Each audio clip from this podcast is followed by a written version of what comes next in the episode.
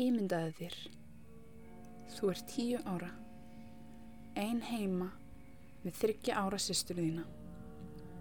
Mamma er í spilavítinu og þú að passa. Það er dimmt í húsbílagarðinum sem þú býrði. Það ískrar í hjólísinu í vindinum á meðan þú horfir á sjónvarpið. Ekki óþæginlegt samt. Smá eins og vindurinn sé að rugga þér til svems. Það frekar notalegt. Uglókin verða þingri og þingri og á endanum somnaru værum svefni eftir að ganga úr skugga að allt sé í lægi með sýstuðina. Þú rekkur upp við að einhver er að berja á hjólísishurðina. Þú lítur á klukkuna. Hún sýnir 01.30. Hver er að banka núna? Ætli þetta sé mamma og nýji kærstinn hennar. Hún er oft svo dópuð að hún gleymir því að hún sé með liklana. Eða að hún man ekki lengur hvernig á að opna hörðir. Það er bankað enn herra og meira afli á hörðina. Þú flýtur þér að glugganum til að kíkja hver er úti því þú vilt ekki að litla vakni svona miðjanótt. En hver er þetta? Drengur. Hann er stór, kannski tveir metrar á hæð. Ljós húð með brúnt hár og blá augu. Þú hefur aldrei séð hann áður. Hann sér því í glugganum og segir Mamma einn slasaðist í spilavítinu. Þú verður að koma og hjálp henni. Þá að mamma sé vanalega uppdópuð og ekki mikið viti í henni, þá kendi hún þér eitt. Ekki treysta ókunnugum. Þú neytar að opna hörðina og eftir smá röfli í strafnum þá fer hann. Ú, þú andar léttar. Eins gott að hann fór, þú varst orðin frekar óttaslegin. Þú ferð aftur upp í rúm og reynir að sopna. En eftir nokkra mínútur er bankað aftur. Þessi strákur ætlar ekki að hætta. Þú býður, en hann ætlar greinilega ekki að gefa sig. Heyrðu, ég er búinn að segja þér að ég ætla ekki að opna það... Ó, þetta er ekki strákurinn. Þetta er stelpa. Þú gerir þér ekki grein fyrir því hvort að augun hennar séu blá eða græn á litin. Eitthvað staðar þar á milli. Hún er með brúnt, krullað hár niður á axlir. Frekar sæt bara. Hæ, ég heiti Kim. Mammaðin er mjög mitt í spilavítinu. Pappiðin vill ekki fara frá henni og baða okkur um að ná í þig, saði stelpan. Ok, en þú verður þá að halda á sýstu minni því hún er sofandi, segið þú. Þú opnar hurðina og snýrðu við til að fara í skonna. En einhver grýpur um munnin á þér og þú finnur fyrir einhverju köldu þrýstast að hálsinu þínum. Hvað er eiginlega að gerast?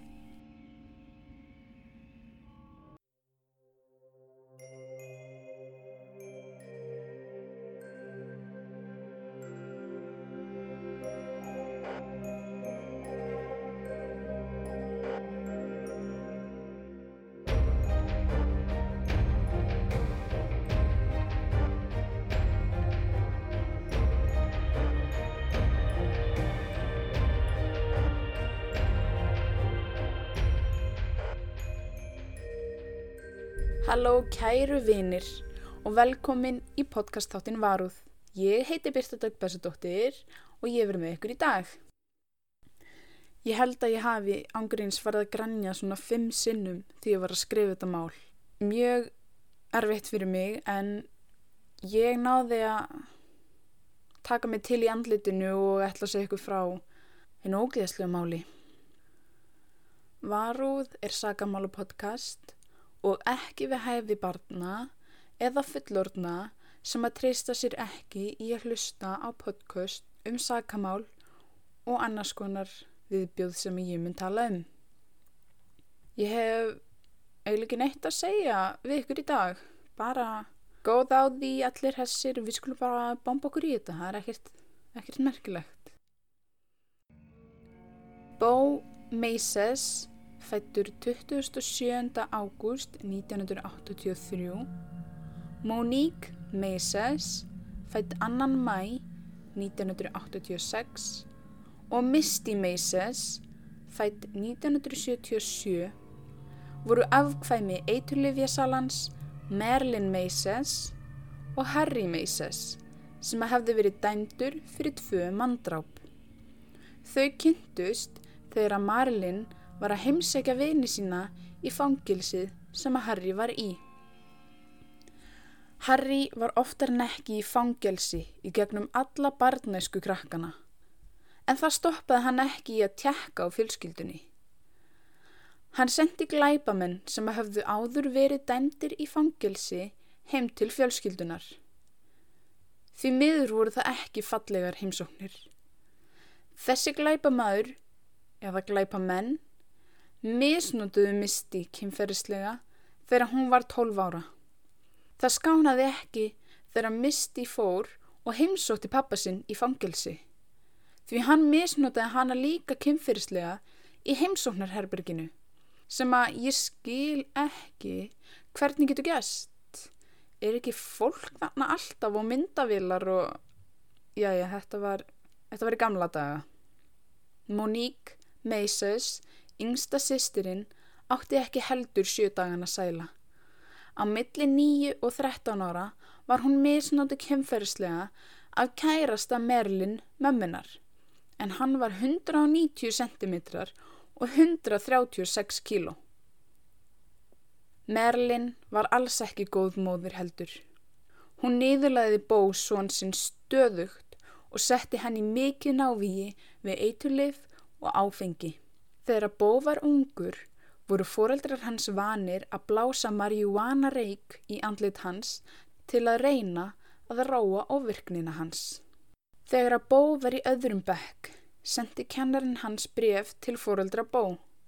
Í því stóð Bó er mjög klár. Hann þarf mikla hjálp við að koma orkunni sinni í rétta átt. Hann er ennþá reyður ungur strákur. Geriði það fáiði hjálpina sem þið töluðu um. En fóreldra hans letu þá auðvitað sem vindum eiru þjóta og þegar að Bó var ekki nema 12 ára notaðist hann við marihuana, alkohól og methamfetamin. Uh, fokk?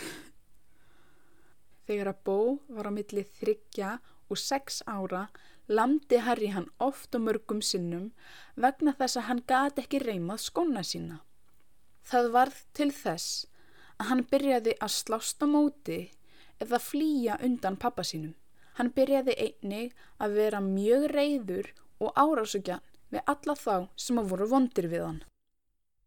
Krakkarnir voru mikið í návíi við vingjallegan mann sem að flutti í sama íbúðarkverfi og fjölskyldan bjó í eftir að hafa mist vinnuna sína.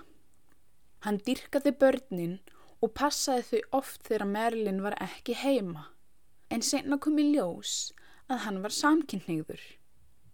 Þegar Merlin fretti af því, hjælt hún nú aldeilis ekki. Hún fór og tók köttin hans og fláði dýrið, sem að þýðir að taka húðin af, takk mamma og Berglind. Svo afhauðsaði hún köttin og neldi hausinn á hörðinans. Ó, nei, hvernig er þetta hægt? Hvílík mann, vonska og viðbjóður. Maðurinn framdi í kjölfarið sjálfsvík út af því sem að Merlin hefði gert.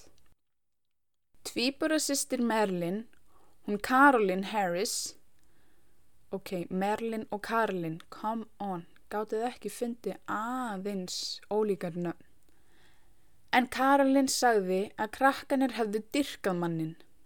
Þegar að Harry og Marilyn voru ennþá saman átti Harry það til að vekja fjölskylduna um miðjanótt til þess að þrýfa og taka til í húsinu hátt og látt.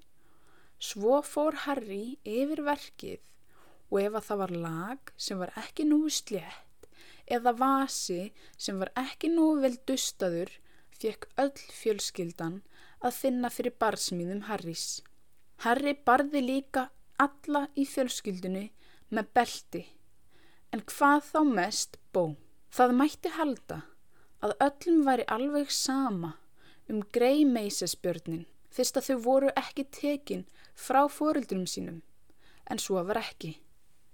Karolin tvíburasistirinn sagði að hún hafði oft séð Harry berja fjölskyldumæðlimi með belti, en ef hún reyndi að blanda sér í málið og stoppa það, þá hótuðu hjónin henni öllu yllu.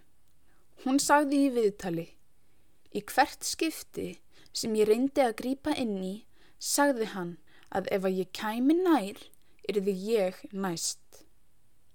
Hún sagði einnig að sýsti sín hafi verið hræðinleg móðir, hvort sem að Harry væri þar eða ekki. Merlin átti það til að nota bó sem ógn á móti öllum sem hún lendi í kastu við. Árið 2000 hafði bó reynd að fremja sjálfsvík, þá 18 ára gamall. Mér langaði að drepa mig. Lífi mitt er byrði og lífi mitt er styrlað, sagði hann við geðalækni.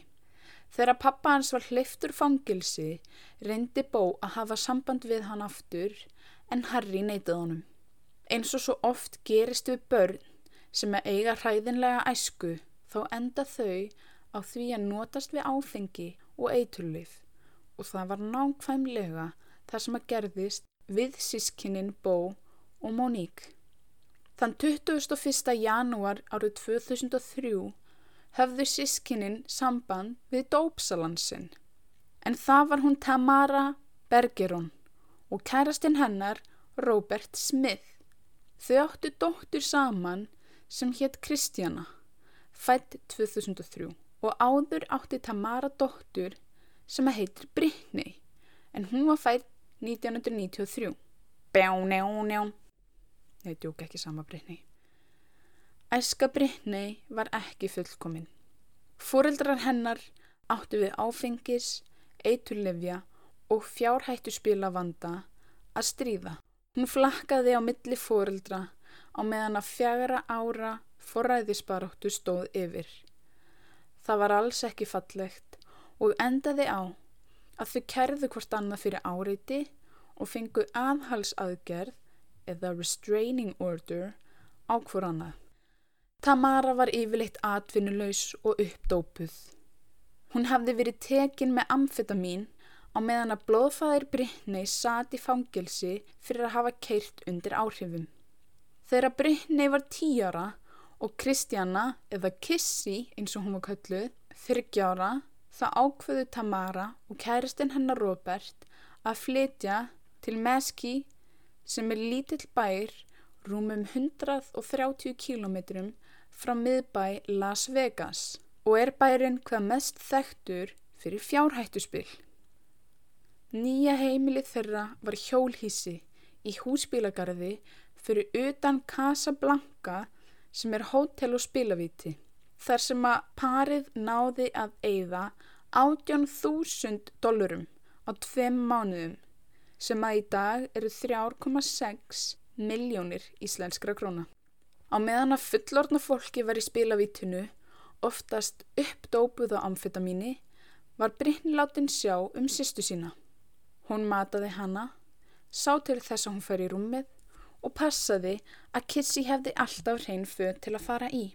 Ég vil bara við taka það fram að hún er tíu áraðana og hún er að sjá um þryggjára sýstu sína eins og sitt eigið barn.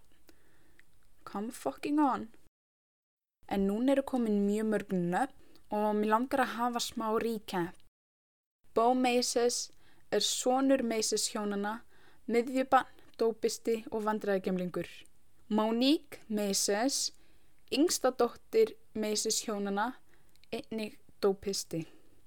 Misty Maces er eldsta dóttir Macy's hjónana og elst af sískinunum.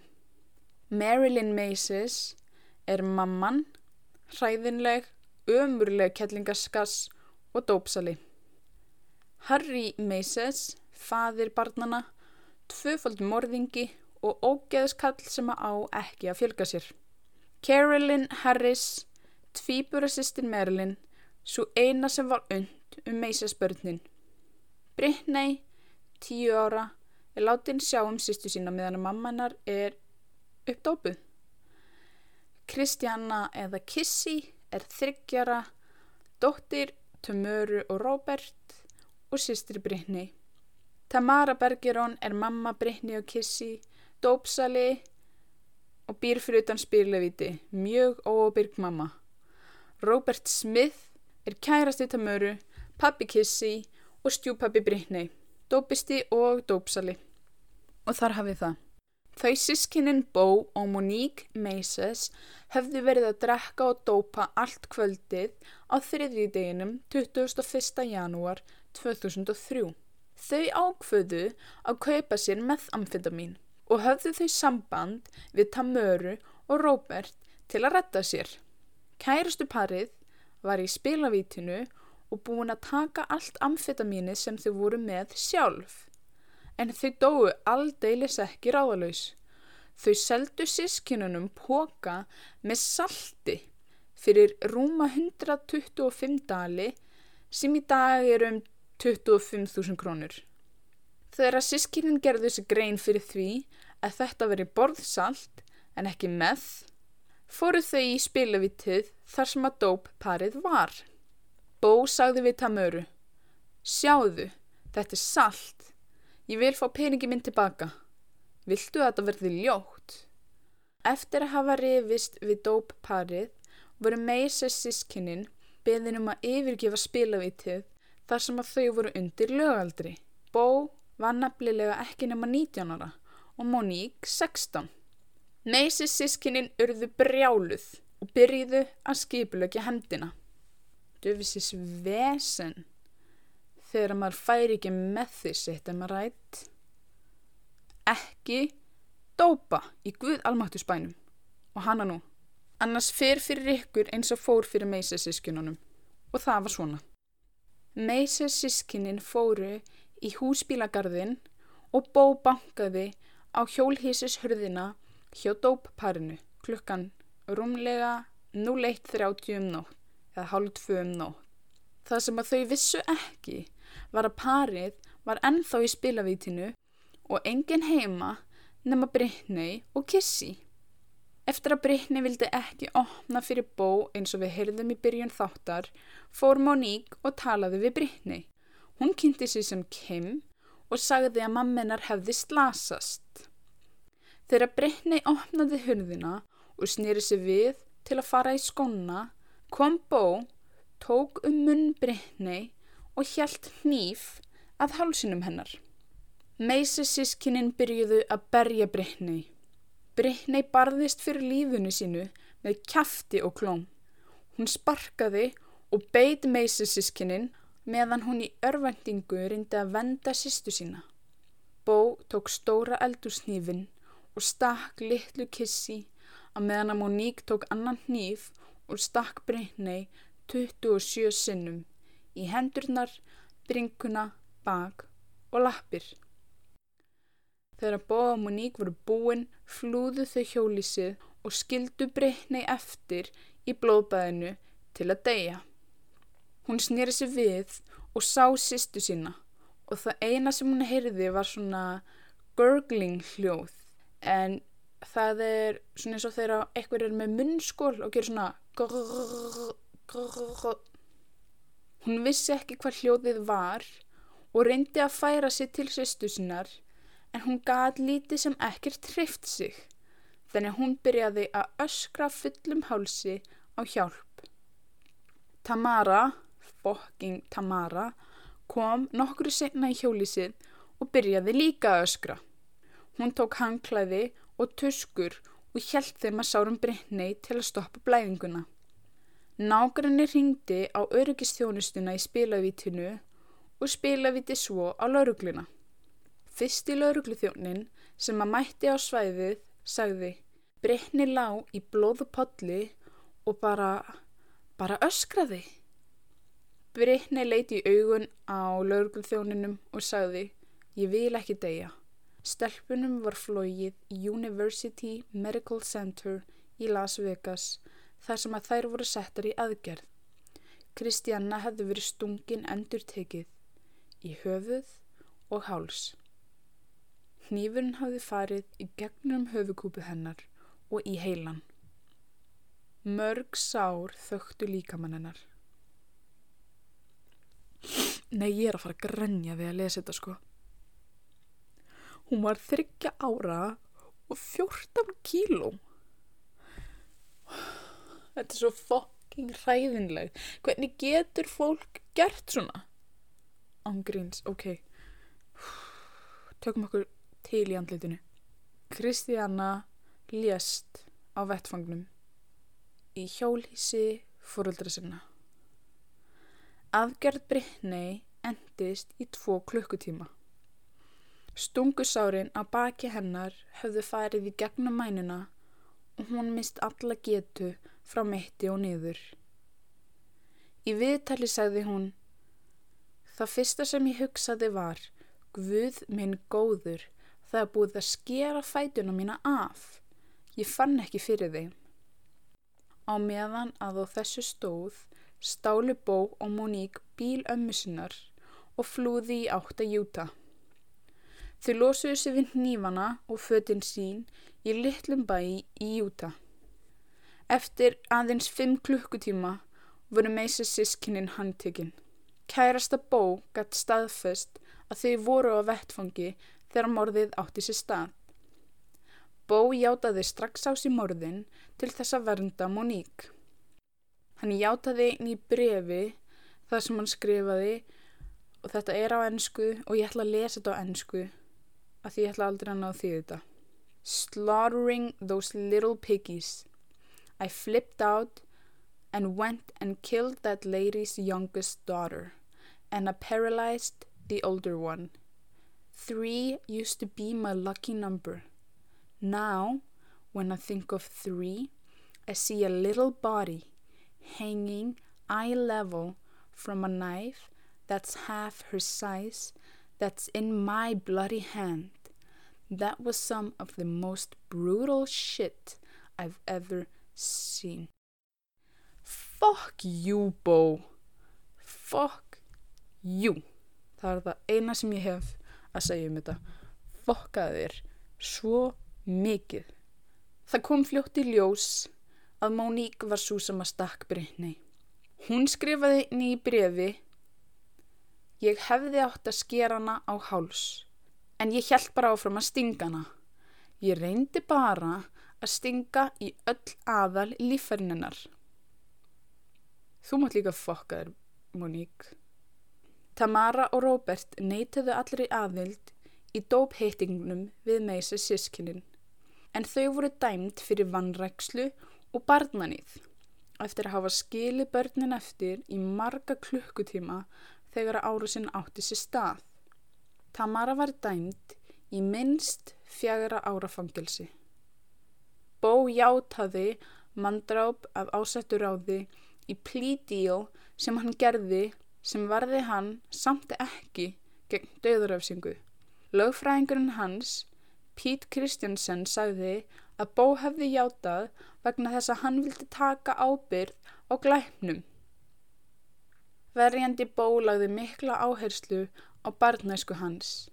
Hann reyndi að láta fólk skilja hvað það var sem að kom honum á þann stað í lífinu til að fremja svona glæp. Hann sagði frá allri barnæskunni og hvað hann hafi hátt að erfitt og var basically bara að reyna að réttlæta að hann hefði drepið þryggja ára barn og reyndi að drepa tíu ára stelpu vegna þess að hann átti svo erfitt. Mí, mí, mí, mí, mí. Já, já, það gefur þið bara leifi. Nei, það segir ekki raskat. Það fylgta fólki sem á erfitt í þessum heimi sem að myrðir ekki þryggjur á börn. Bara mitt innbytt. Sagsóknarinn hins vegar reyndi eins og hann gat að gefa bót döðarefsinguna. Hann notaðist við þá staðreind að Kissy var þryggjára. Hún átti allt lífið framöndan sér og að hann hefði ráðist á tvær saklusa stúlku sem að átti ekki róð í hann. Það fyrsta sem að Bó sagði við domstólin eftir ára sinna var Fyrir gefðu fyrir hjartasárin. Út af mínum gjörðum mun Brittany verað eilífi bundin hjólastól og hún misti sýstu sína. Ég trúi ekki að þetta hafi gerst. Hvernig trúur því ekki? Þú gerðir þetta. Jæja. Svo snýri hann sér að sinni eigin fjölskyldu og sagði fyrir gefiði ángistina og fyrir gefiði skömmina sem ég hef fært. Á endanum var hann dæmtur til dauða fyrir morðið á Kissi og morðtilraun á Brittany. Hvoru ír foreldrar meisesískinana mættu í domsalinn. Þegar Harry var beðin um að vittna fyrir són sinn, neytaði hann og sagði Ég hef ekkert að gera með þetta fólk, talandi um sín eigin börn. Þvílgur hræstnari sem hann er. Hann var sjálfur dæmdur fyrir tvö morð. Ég hef ekkert að gera með þessi börn. Já, það var þér að kenna að þau komu í hennan heim. Bara að segja. Skömmu eftir dóm, bó, þá játaði Móník líka á sér morðin. Hún fekk einni plídíu. Hæsturéttur sagði að fólk sem var undir 18 ára aldri þegar glæpur er framinn geti ekki verið dæmt til dauða fyrir sakamál sín. Þar sem að Monique var 16 ára þegar morðin átti sér stað var hún dæmt í lífstíðarfangelsi með möguleika á reynslulausn eftir 40 ár eða þegar hún er rúmlega 63 ára. Monique bað einnig afsökunar og talaði til Brittany sem var ekki á staðinum. Hún sagði, hjartað mitt sínir samúð gagverðir. Fyrirgjáðu fyrir allt saman. Það eina jákvæða í stöðunni er hugrekkið og þrautsegan sem að þú hefur syngt. Og það er það eina af viti sem hefur komið úr Móník. Þegar sískinin voru leitt út úr réttasalunum sendi Móník sestur sinni misti fingurkoss sem að greiðt hljóðilega þar sem hún satt einn og fyldist með réttarhöldunum. Misti sagði að ef að þau hefðu ekki verið uppdópuð þá hefði þetta aldrei gæst. En það er of seint í rassin gripiði núna. En hún, hún sagði það ekki, það er bara ég að segja það. Brittany eitti hundruðum klukkutíma í sjúkraþjálfum og ráðgjöf án sestu sinnar. Það var erfitt, sagði hún. Hún hilt áfram. Það var skrítið því að ég var ekki með hana með mér. Þú veist, sitjandi þarna og hlæjandi með mér. Hún eldi mig alltaf allt og vildi gera allt sem ég gerði. Brittany var tekinni fóstur af Judy og Bill Himmel. Himmelhjónin höfðu eitt stórum hluta lífsinsins sem fósturfóreldrar og höfðu tekið að sér meira en 30 börn sem áttu við líkamleg og andleg vandamál að stríða. Þau höfðu séð fréttin af Brittany og vissu að þau myndu fljótlega frá síntal, sem og þau gerðu. Skömmu síðar áttu Brittany nýtt heimili. Hún var hress og góð á daginn en á nóttinni þurftu hún að sofa með öll ljós kveikt, hurðina opna og helst sjómvarp eða útvarp í gangi, sem að ég skil alveg. Hún sagðist vera hrætt um að það sama myndi gerast aftur, en þar sem að tímin leið og Brittany var sterkari og sjálfsöryggari, þá vissi hún að hún veri örug og að ekkert slæmt geti komið fyrir hana. Það leiði ekki á löngu áður en að Brittany fór að taka þátt í íþróttum. Hún tók þátt í frjálsum íþróttum í yfir 15 fylgjum. Hún tók einni þátt í sundi, tennis, skýðum og körfubolta og svo var henni einni löggildur kafari, svo eitthvað sem nefnt. Hún sá það að hún gætt gert allt sem hún tók sér fyrir hendur. En erfileika breytni voru því miður ekki búnir. Tamara barðist fyrir því með kæfti og klóm að fá forræði yfir dóttu sinni. Það gerði Brittany mjög niðurlúta og hún velti því fyrir sér af hverju mamminar vildi ekki leifa sér að vera hamingjusamri. Það eina sem að Brittany vildi var að vera ætlitt. Eftir meira en fimm ár skrifaði Brittany mömmu sinni bref í fangilsið og bað hann um að hætta að berjast fyrir sér. Hún sagði að mamma sín hefði ekki geta séð um sig þá og gæti ekki gert það núna. Tamara let það eftir henni og 29. júli 2008 rættist draumur hennar loksins og Brittany fór úr því að vera Brittany Bergeron yfir í að vera Brittany Bergeron Himmel. Hún sagði að hún elskaði mömmu sína þrátt fyrir allt og skrifaði henni vikulega í fangelsið. Þegar hún var spurð hvert að hún saknaði þess að geta lappað, sagði hún Nei, í rauninni ekki. Ég held að mér líki það betur að vera í hjólastól því það hefur gefið mér betra líf. Hún sagði einnig þegar hún var spurð út í það hvort hún væri reið út í meisa sískinin. Er ég reið út í þau? Nei, í rauninni þá segi ég takk, því þú veist, þetta gerðist á slæman hátt, en það gaf mér æðislegt líf. Það gaf mér æðislega fjölskyldu og æðislegt heimili. Það gaf mér allt. Hún er svo hugrökk og sterk og æðisleg og hún var bara 16 ára og hún er svo mikil fyrirmynd og líka svo ótrúlega falleg. Ándjóks farði henn á Instagrami mitt, varða.podcast og skoðiði myndin af henni. Hún er svo mikil dulla og geggið og æðisleg og ég elsk hún og ég er að fara að grenja aftur að því hún er svo geggið. Ef þú heldur að þú getur ekki eitthvað, hugsaðu til Brynni Himmel fáðu innblástur og reyndu aftur. Ég ætla enda því að segja að fyrir áhuga sama þá er hann bó okkar inn á writeaprisoner.com og mér langar mjög fljótlega bara að lesa það sem hann skrifar um sjálfan sig. Þetta er á ennsku ég nefndi ekki að því þetta. Hello, my name is Bo. I am a death row inmate here in Nevada and I am seeking to establish a authentic friendship with someone I can trust and exchange life experiences with. I am in search, much like you, of a true, genuine, and real friendship. I consider myself to be very caring, respectful, and well rounded guy. I do my best to mentally escape this bleak environment through reading, writing, and exercising. Despite life's ups and downs, I always try to keep a positive attitude, remain optimistic. I value trust, honesty, and loyalty. And I believe new friendships are like new blessings. If you are willing to build an, an authentic friendship, I would be delighted to hear from you. I am open to all letters and I will reply to everyone who writes. Each letter will be received with a smile of appreciation. I look forward to hearing from you. Your soon to be friend, Bo. Þannig er nú það.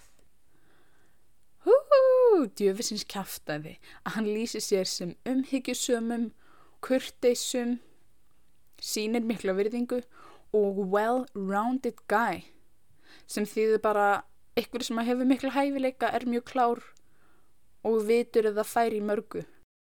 Elsku kallin er að nota rosalega stór og falleg orð um sjálfan sig sem ég held persónulega bara ætti ekki að gera.